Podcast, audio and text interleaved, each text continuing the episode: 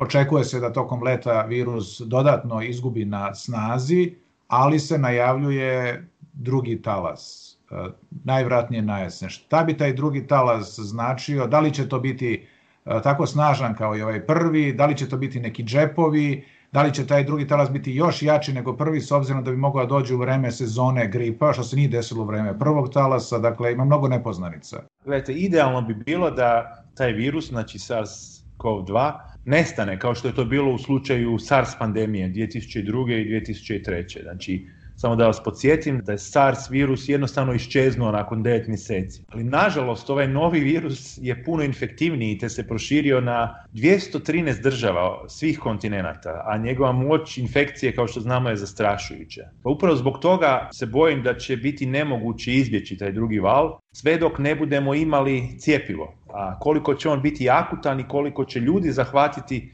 to je u ovom trenutku jako teško predvidjeti, sve su to samo neki modeli i prema tome bilo bi stvarno neozbiljno da pričamo da li ćemo imati manje, više, ali ne znamo. Znači sve su to samo pretpostavke. Da li smo makar spremni nego za prvi talac, jer znamo mnogo više o virusu nego uoči njegovog pojavljivanja i tako dalje. Definitivno ćemo biti spremni da se suprostavimo tom virusu i to je iz jednostavnog razloga što smo već dosta naučili o njemu. Dakle, taj virus nam više nije potpuna enigma kao što je to bio na samom početku i moram priznati da smo mi znanstvenici taj virus dosta i pocijenjali, jer smo ga uspoređivali sa virusom gripe, znači govorili smo o tome da nije infektivan, čak sam ja ga pocijenio, moram priznati, ali nisam bio jedini, jer nismo znali o čemu se radi. Dakle. A ono što sada znamo, a što je jako bitno, da se ovaj virus širi asimptomatskim putem. Dakle, znamo također da između 25 do 50% zaraženih nema ama baš nikakvih simptoma. I Znamo također da moramo rigorozno sistematski testirati stanovništvo i odmah izolirati one koji su zaraženi, kao i uvesti rigorozne mjere praćenja svih građana koji su već došli u kontakt sa tim zaraženim osobama. Također znamo da moramo nositi maske i zaštitnu opremu jer se pokazalo da je taj pristup bila taktika najuspješnijih zemalja u borbi protiv COVID-19. Kažete da ništa se neće moći uraditi dok se za 12 do 18 mjeseci nadajmo se ne pronađe vakcina. Međutim, jedan od čelnika Svetske zdravstvene organizacije, dr. Rajan, je upozorio da se može desiti da virus ne nestane i da se moramo naučiti da živimo sa njim. To je jedna prilično pesimistična procena. Da li se slažete i šta bi to značilo ako je to tačno? Gledajte, ja sam veliki optimist kada govorimo o razvoju e, cijepiva i, i lijekova protiv SARS-CoV-2 virusa, samo nam za to treba vremena. Svjetska zdravstvena organizacija je na početku ove pandemije napravila nekoliko ogromnih pogrešaka i prema tome sada igraju na jako sigurnu kartu. Prema tome više ništa ne žele e, ga prepustiti slučaju i jako su konzervativni u njihovim izjavama, međutim ja sam stvarno optimista da će jedna od tih 90 različitih e, farmakompanija i akademskih laboratorija koji su već testirali njihove vakcine, odnosno cijepiva u kliničkim studijama, biti uspješne u tome. I vidimo vrlo dobre rezultate prvih kliničkih istraživanja kompanije iz Bostona, znači koja radi na pripremi ovog RNA cijepiva, znači radi se o kompaniji koja se zove Moderna Therapeutics. I mislim da će neminovno da ćemo u 12 do 18 mjeseci biti svjedoci razvoja vakcina, a onda će naravno biti veliki problem pripremiti dosta toga da bi mogli zaštititi cjelokupno stanovništvo svijeta. Da li je jedan od razloga za taj oprez Svjetske zdravstvene organizacije što ovaj virus mutira? Naravno, svi virusi mutiraju. Koliko zapravo ovaj virus e, brzo mutira? E, pomenuli ste 12 do 18 mjeseci. Razlog za oprez je što za HIV nije pronađen na vakcina, skoro je 40 godina tu onda denga, virus i tako dalje. Ako se ne varam za zauške, najbrže pronađena za četiri godine e, vakcina ili tako nekako. Da. Mislim da, da bi ovaj virus jako malo mutira. Zbog toga što ima jako veliki genom, znači njegova e, pozitivna RNA molekula e, sadrži negdje oko 30.000 nukleotida, što je u biti ogroman genom za jedan virus i takvi virusi si onda ne mogu dozvoliti da prave puno mutacije, jer bi te mutacije onda se mogle slučajno događati u genima koji su bitni za njihovo pakiranje u virusne cestice, u replikaciji tog virusa i tako dalje. Prema tome, takvi virusi koji imaju ogromnu genetičku informaciju, na, nažalost, odnosno na našu sreću, ne mogu dopustiti da puno mutiraju. Prema tome, sve te projekti sekvenciranja SARS-CoV-2 virusa sa različitih dijelova svijeta su pokazale da postoje neke promjene, ali su to vrlo male promjene i to, to su takozvane silent mutations, znači to su mutacije, tihe mutacije koje ne uzrokuju promjene u nekim uh, ključnim aminokiselinama u virusu. Prema to je to jako dobar znak za pripremu cijepiva jer to znači da ćemo cijepivo koje stvorimo protiv recimo ovog spike proteina, odnosno proteina šiljka tog virusa, biti učinkovito usprkos tih malih mutacija koje se događaju u njemu. A ovo što ste spomenuli virusa SIDE, znači HIV, odnosno Human Immunodeficiency virus, nismo bili u mogućnosti pripremiti vakcinu, da, to ste u pravu, ali gledajte, mi nikako ne možemo uspoređivati virus SIDE, znači HIV, sa ovim virusom, jer su to dva potpuno različita virusa. Dakle, virus SIDE koji se ugrađuje u genom infektirane osobe, on se isključivo prenosi seksualnim kontaktom, odnosno krvlju, i znači njegova moć širenja je bila puno, puno manja nego što je to moć širenja, odnosno zaraze SARS-CoV-2 virusom. Također, taj virus SIDE jako brzo mutira, tako da je bilo u biti nemoguće pripremiti cijepivo, jer bi zbog te genetičke variabilnosti cijepivo koje bi se pripremilo za osobu A već negdje par mjeseci kasnije ne bi djelovalo, ali jednostavno ne bi prepoznalo te proteine ovoga virusa kod neke druge osobe. Znači radi se o proteinu HIV virusa. Prema tome, zbog toga što ovaj virus SARS-CoV-2 puno manje mutira nego što je to HIV virus, a zbog toga isto što su se momentalno ujedinjali sve kompanije, sve najvažnije farmaceutske kompanije svijeta, ja sam mišljenja da ćemo mi biti u mogućnosti stvoriti vrlo učinkovito cijepivo protiv uh, ovog virusa. Ali ako recimo pretpostavimo da je tačna izjava doktora Rajana, šta bi to značilo da bismo morali da se naviknemo da živimo sa COVID-19, recimo kao nekim sezonskim gripom? Da li bi njegova snaga opala, recimo ako bi ostao do trajno s nama kao što je grip, i na koji način bi mi onda se čovečanstvo borilo sa, sa tim, da kažem, trajnim problemom? Pa gledajte, trajni problem, što znači trajni problem? Znači, da je tu u naredni 10, 15, 20 godina. Pa ne, ne, gledajte, ako mi budemo imali cijepivo, što sam ja opet ponavljam, ja sam jako veliki optimista i siguran sam da će jedan od tih 90 projekata stvaranja cijepiva protiv SARS-CoV-2 virusa uspjeti. Tome, mi ćemo u biti sa tim cijepivom moći držati ovu pandemiju pod kontrolom. Prema tome, čim mi stvorimo takozvani imunitet krda, on se može stvoriti ili takozvanim procijepljivanjem, što je jako loše u slučaju ovog virusa, ili takozvanim cijepljenjem. Znači, čim mi budemo imali negdje oko 70% ljudi, odnosno svjetske populacije koje se zaštitilo protiv tog virusa, a to ćemo napraviti cijepljenjem, taj virus više neće biti problem. Prema tome, mi moramo stvarno užurbano raditi na pripremu ili cijepiva ili lijeka, jer jedino je to način na koji ćemo moći normalno živjeti u budućnosti. E sad, ako pod pretpostavkom da se pronađe vakcina u narednih 12 ili 18 mjeseci, ili dakle u tom periodu, e, šta će to praktično značiti? Da li je ta vakcina koju će svaki čovjek dobiti ili koju ljudi budu želeli, jel, vidjet ćemo da će to biti dobrovoljno ili obavezno ili kako već se to bude regulisalo pravno, Da li će to biti, uslovno rečeno, trajni imunitet, ali će to biti vakcina koja će se davati svake godine, jednom u tri godine ili već kako? To je veliko pitanje i to je jako dobro pitanje i na to još, nažalost, nemamo odgovor.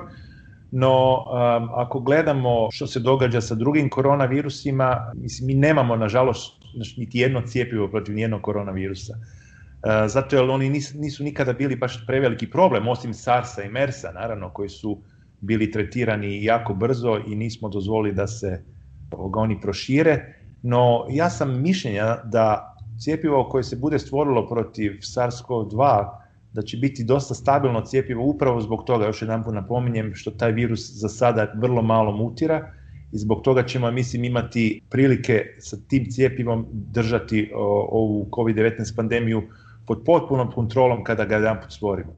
U međuvremenu dok se ne razvije vakcina, radi se i na pripremi novih terapija, razvijenju novih terapija, neke su upotrebi, neke od njih izazivaju kontroverze kao što je to klorikin koji, na kome insistiraju američki predsjednik Trump, brazilski Bolsonaro, istovremeno u Francuskoj je zabranjena njegova upotreba, Rusi koriste krvnu plazmu, pominju se neki antimalarijski lekovi.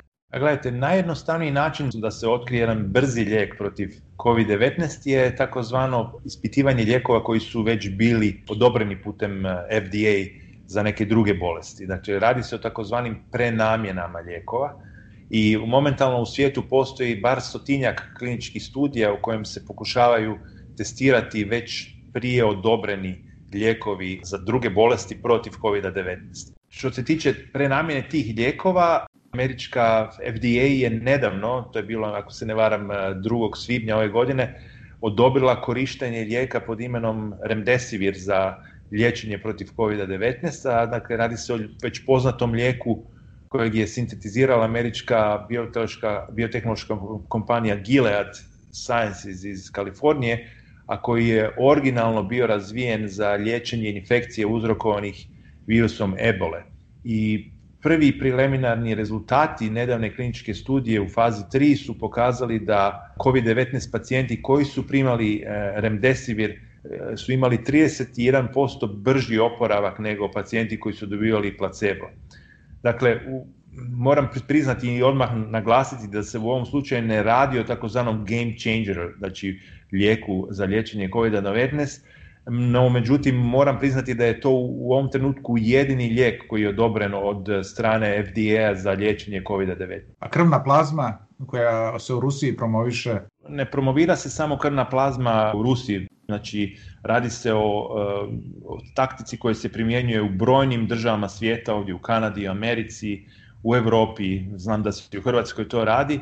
U tom pristupu uh, oni ljudi koji su već prebolili uh, COVID-19 doniraju njihovu plazmu kako bi pomogli u tom eksperimentalnom liječenju. Znači ono bi moglo onda dati odgovore na pitanja kako pobijediti taj virus. No moram naglasiti da liječenje krvnom plazmom još uvijek nije potvrđeno kao univerzalno liječenje E, kao efikasan lijek među svjetskim znanstvenicima, ali postoji jasna suglasnost da se ono primjenjuje u najtežim slučajevima, dakle upravo zato jer su se oporavljeni uspjeli izliječiti zahvaljujući tome što je njihov imunološki sustav shvatio kako da se bori sa virusom, te je napravio takozvana antitijela e, koje neutraliziraju virus. Na taj način bi terapija krvnom plazmom e, trebala pomoći da premostimo vremenski period čekanja na lijek i cjepivo, no nikako ne možemo reći da će terapija krvnom plazmom biti jedini i uspješan način e, liječenja protiv ove pandemije. Dosta je isto polemika i nejasnoća i neizvesnosti. Da li su ljudi koji su e, preležali koronavirus, stekli imunitet, Znamo sigurno da oni koji su imali teže oblike, teže simptome, a preživeli su, razvili izvestan imunitet, ali je nejasno, na primjer, da li ljudi koji su imali blaže simptome, dakle ljudi koji malte nisu bili ni svesni da su preležali koronavirus, da li dakle postoji e, relacija između, odnosno direktna veza između stepena ozbiljnosti i intenziteta koronavirusa i imuniteta koji je stečen nakon toga? Nažalost, to još uvijek ne znamo. Jer, e, znate, kad neki virus, kao što je to i ovaj SARS-CoV-2 virus, uđe u naš organizam, onda se aktivira imunološki sustav i počinju se stvarati antitijela, takozvane IgM, IgG i IgA grupe, a postojanje tih antitijela se kod osoba može detektirati e, ovim serološkim testovima na kojima mi radimo, znači radi se o krvnim testovima. No, nažalost, u ovom trenutku mi još uvijek ne znamo koliko će dugo trajati taj imunitet na ovaj novi koronavirus, jer se radi o potpuno novom virusu. Dakle, hoće li taj imunitet trajati nekoliko mjeseci, nekoliko godina ili zauvijek, nažalost mi još uvijek ne znamo. Prema tome to je jedna velika nepoznanica. Pitao bih vas o, o posljedicama generalno po zdravlje koronavirusa naravno najtragičnija je smrt, međutim e, ima nekih istraživanja e, koja pokazuju da e, pogotovo ljudi koji su imali teži oblik koronavirusa imaju ozbiljnije oštećenja jetre, bubrega i ostalih organa. Takođe u Iranu je zabeležen veliki broj stomačnih problema, dakle da se virus koji je respiratorni zapravo reflektuje i kroz stomačne probleme. Dakle, kakve su posljedice generalno po zdravlje koronavirusa kod svih onih pacijenata koji, koji su ga preležali, a preživeli su? Dobro ste to rekli. To je ono što sam već na samom početku rekao. Mi još uvijek ne znamo mnoge stvari o tom virusu. Dakle, kako to da neki pacijenti nemaju baš nijakih problema, jer ono što sam već spomenuo je 25 do 50% svih ljudi koji su došli u kontakt, koji su bili zaraženi tim virusom, su totalno asimptomatski. Kako to da neki ljudi imaju tako ogromne probleme, neki nemaju, mi stvarno, nažalost, još ne znamo i definitivno će znanost u sljedećih e, nekoliko mjeseci ili godina pokazati koji su to zapravo parametri. Definitivno ima ulogu e, sama genetika određenog pacijenta, znači neki metabolički sindromi koje imaju određeni ljudi, međutim stvarno ne znamo, bilo bi jako neodgovorno tvrditi da taj virus kod nekih pacijenata uzrokuje takve velike simptome zbog određenih stvari koje mi ne znamo. To je jedan moment zašto neki ljudi imaju, da kažem, intenzivnije simptome, a drugi manje, a drugi moment je da ljudi koji prežive i koji preleže tim simptome mogu imati trajnije posljedice po druge organe. Tako je, gledajte, znamo već od samog početka da 80% ljudi koji su inficirani sa dotičnim virusom neće imati nekakvih velikih problema. Od tih 80% će čak do 50% biti asimptomatski. Međutim, 20% će imati problema, od tih 20% negdje 3 do 5% će trebati pomoć ventilatora, odnosno respiratora, a šansa da oni prežive onda je negdje oko 50%. I sad kada ljudi kažu, a pa to uopće nije neki ozbiljni virus, mislim, to je samo jedna blaža gripica, mislim da su oni uh, jako u krivu, jer ja osobno ne želim si igrati ruskog ruleta. Prema tome ne želim biti taj koji će testirati sebe e, na taj virus, jer taj virus je, vidimo, kod brojnih ljudi opasan, a mi ne znamo jesmo li mi zapravo, e, da li pripadamo toj rizičnoj skupini ili ne. I ono što ste rekli, da, postoje puno ljudi koji imaju jako ozbiljnih simptoma, i koji kada čak i prebole taj virus više nikada nisu isti. Često se kaže da neko je umro, pa da, ali kaže on je već imao zdravstvene probleme. To znači Mnogo je ljudi koji imaju određene zdravstvene probleme, ali žive relativno dugo uz određene terapije. Znači, samo relativno ili potpuno zdravi imaju šansu da preživa, svi ostali su u riziku i to je zapravo problem što je virus zbog toga mnogo opasniji nego običan grip. Tako je, i to je ono što i uvijek svima govorim, dvoje mojih kolega, doktora ovdje u Torontu, koje, koje sam ja dobro poznavao, su umrli od toga, bili su mlađi od 45 godina.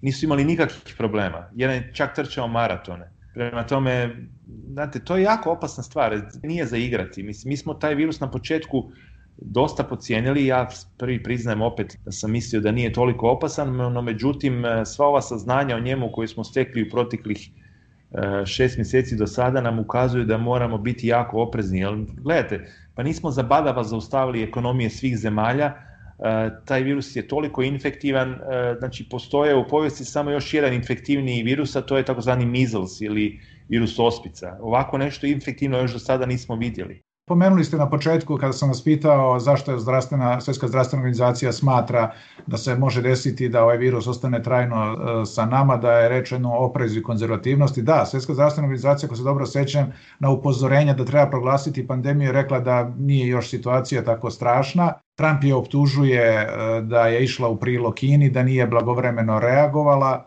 da je prikrivala informacije i zbog toga je prekinuo e, saradnju, odnosno finansiranje Svetske zdravstvene organizacije, znamo da su SAD najveći financijeri, to je sigurno udarac za ovu organizaciju. Dakle, kako komentarišete tu polemiku i gde je tu zapravo, ako govorimo o Svetskoj zdravstvenoj organizaciji, ona pogrešila? Gledajte, mislim da se tu radi o, o bacanju krivnje sa jedne na drugu stranu ili to je jedno čisto igranje ping-ponga. E, gledajte, činjenica je da je Kina jako dugo, znači do kraja veljače ove godine, onemogućavala svjetskoj zdravstvenoj organizaciji da uđe u pokrajinu u kojoj je došlo do te početne COVID-19 pandemije, odnosno epidemije u Wuhanu i da su krili informacije o SARS-CoV-2. I e, po mom e, mišljenju je Svjetska zdravstvena organizacija ovdje napravila jednu veliku grešku, a to je da nije dovoljno agresivno djelovala u tom slučaju i jednostavno njeni postupci su bili vrlo blagi. I svi govore o tome da je Svjetska zdravstvena organizacija imala nekakve tajne dogovore sa Kinom, to je potvrdio i Der Spiegel u Njemačkoj, da je predsjednik Svjetske zdravstvene organizacije imao tajne razgovore sa predsjednikom Kine Xiom. I predsjednik Trump, opet moram spomenuti, je do, skroz do sredine ožujka ove godine nekoliko puta pohvalio kineskog predsjednika Xia i naglasio kako uspješno sarađuje sa Kinom i nemojmo zaboraviti također da je e, predsjednik Trump do negdje 20. ožujka ove godine strogo odbacivao bilo kakvu opasnost od COVID-19 pandemije na američkom tlu.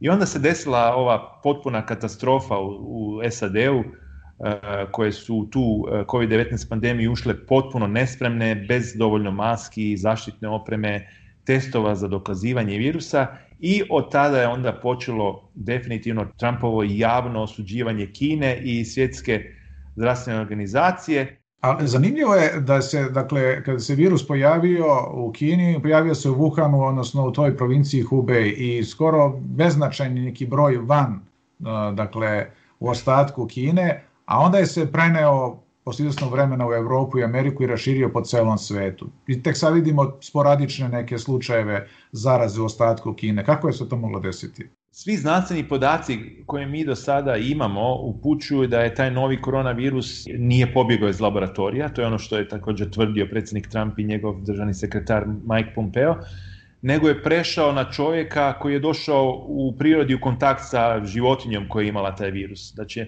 nije jasno kako je virus prenesen na čovjeka u Kini, ali je sigurno da do prijenosa na čovjeka je koronavirus prenesen još jednoj životinskoj vrsti. A najčešća spekulacija je da je to bio ili šišmiš, e, koji je zarazio onda nakon toga koronavirusom ljuskavca, a to je sisavac koji je biti delicija u Kini i jer se u tradicionalnoj kineskoj medicini vjeruje da su njegove ljuske ljekovite.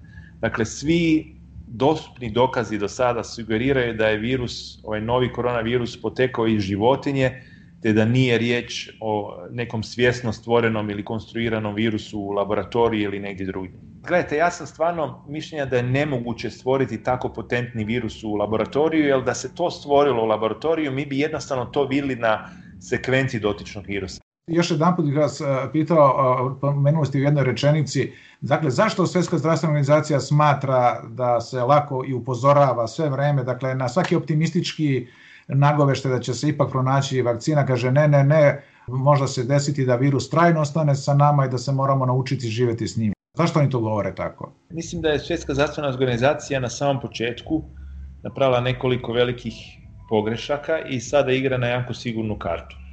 Ako će taj virus zauvijek biti među nama, još jedan ponavljam, mi ćemo ga sigurno moći e, držati pod kontrolom, odnosno istrijebiti putem e, odgovarajuće vakcine. Ako ne budemo bili u mogućnosti e, stvoriti vakcinu, što ja čisto sumnjam, onda će biti, da onda ćemo imati veliki problem, ali nadamo se da ćemo onda možda jednog dana imati određeni lijek, kao što je to u slučaju virusa SIDE sada koji držimo pod kontrolom sa dotičnim lijekom. Međutim, znamo i sami da bi se napravili jedan potpuno novi lijek treba proći čak i do 10 godina. Prema tome, ovo što sad Svjetska zdravstvena organizacija govori je čisto da bi upozorila građane ako se to ne bi dogodilo da bi imali na neki način javni dokaz da su oni ipak ukazivali na to da je taj virus veliki problem. Ali ja mislim da ćemo doći uskoro do kvalitetnog cijepiva. Rekli ste 12 i 18 mjeseci, to znači ili početkom sljedeće, ili sredinom, ili krajem sljedeće godine. Znate sami da svako cijepivo, svaki lijek mora proći kroz tri faze kliničkih istraživanja. Mi sad imamo preliminarne rezultate za prvu vakcinu koju je stvorila Moderna Therapeutics iz Bostona. Znamo da su ti prvi rezultati kliničkih istraživanja jako dobri, da je većina ljudi koji su bili testirani e, s tom novom RNA vakcinom e, stvorili imunitet, međutim sad moramo ići u fazu 2, e, gdje će se to cijepivo testirati na negdje oko 300 do 500 ljudi i onda u fazu 3 gdje će se isto cijepivo testirati na više od 5000 ljudi. Prema tome vidite sami da za to treba vremena. Kad se pokupe svi ti podaci... A onda za proizvod, kad se patentira... Dakle, i to je, to je veliki problem. Kad se znači, pokaže da je to cjepivo dobro, e, onda će biti veliki problem da se stvori dovoljno njega da bi se naravno moglo ponuditi svim građanima, svim stanovnicima ove, ove planete. Jel, naravno, sad opet možemo pričati o tome hoće li cijepljenje protiv tog virusa biti obavezno ili neće, koliko će ljudi zapravo htjeti primiti to cijepivo jer ako ne budemo imali barem 70% zaštićenog dijela populacije, mislim, taj virus će i dalje kolati, odnosno cirkulirati svijetom. Prema tome, tu će morati vlade naših zemalja, odnosno zemalja u kojoj živimo, napraviti jedne ključnih pravnih odluka, to je što ćemo napraviti, da li ćemo stvarno napraviti da se mora cijepiti dotičnim vakcinom ili ne. I, na kraju, dakle, kakve su lekcije, koje su lekcije ove pandemije za neke nove pandemije koji će verovatno ili da ne kažem sigurno biti u budućnosti? Mi moramo iz ovoga naučiti jednu veliku lekciju, a lekcija je ta da su nam virusi tokom naše povijesti, tokom stoljeća, oduvijek bili velika opasnost. Te da usprkos ogromnom napretku znanosti i tehnologije u biomedicini u posljednjih 50 godina, mi još uvijek nismo u stanju u kratkom vremenskom periodu pronaći odgovarajući odgovor za jednu takvu pandemiju kao što je to ova nova pandemija COVID-19. Prema tome, ovo također pokazuje da farmaceutske kompanije i e, fondacije brojnih zemalja e, moraju djelovati proaktivno, jer da smo mi 2002. ili 2003. E, bili u mogućnosti stvoriti cijepivo protiv SARS virusa, koji je jako bliski rođak ovom SARS-CoV-2 virusu. Samo da vas podsjetim da na razini genetičke informacije, dakle RNA molekule, originalni SARS virus i ovaj novi e, SARS-CoV-2 virus pokazuju 79,5% identičnost u genetičkom materijalu, što je ogromna identičnost. I da smo mi uspjeli stvoriti uspješnu vakcinu protiv SARS virusa 2002. 2003 ja sam uvjeren da bi danas već bili u mogućnosti to cjepivo primijeniti na ovaj novi virus jer su jer taj spike protein, protein šiljka između SARS virusa i ovog novog virusa jako su slični. Prema tome, to cjepivo bi već sada moglo neutralizirati, možda ne potpuno, ali djelomično, e, infekcije ovim novim SARS-CoV-2 virusom. A zašto se to nije dogodilo? Zbog toga što smo SARS, kao što sam već rekao, 2003. godine nakon samo 9 mjeseci uspjeli dovesti pod kontrolu. On se samo raširio u 26 zemalja svijeta i znači mada je došlo do pandemije, e, epidemiološki smo uspjeli taj virus staviti pod kontrolu, ali to je naravno bilo zbog toga što je taj virus bio puno, puno jednostavniji, odnosno puno manje infektivan nego ovaj sadašnji virus. Ovaj sadašnji virus se širi asimptomatskim putem, a to SARS nije. E, originalni SARS virus se nije tako širio, međutim upravo je ta njegova jako velika infektivnost problem zašto nam je taj e, virus toliko velika nepoznanica. I mislim da vam je to još jedan dokaz da moramo djelovati proaktivno u borbi protiv virusa i epidemiologiji, jer e, moramo stvarati vakcine, mada jednog dana i nestane taj virus, mi moramo imati spremno određene vakcine koje bi može jednog dana mogli primijeniti kada dođe pandemija nekog putem novog koronavirusa, a ono što ste rekli i sami, također moramo raditi i na novim cijepivima protiv gripe. Prema tome, mišljenja sam da ulaganje u epidemiologiju i virusologiju mora biti jedan od prioriteta svih zemalja ovog svijeta.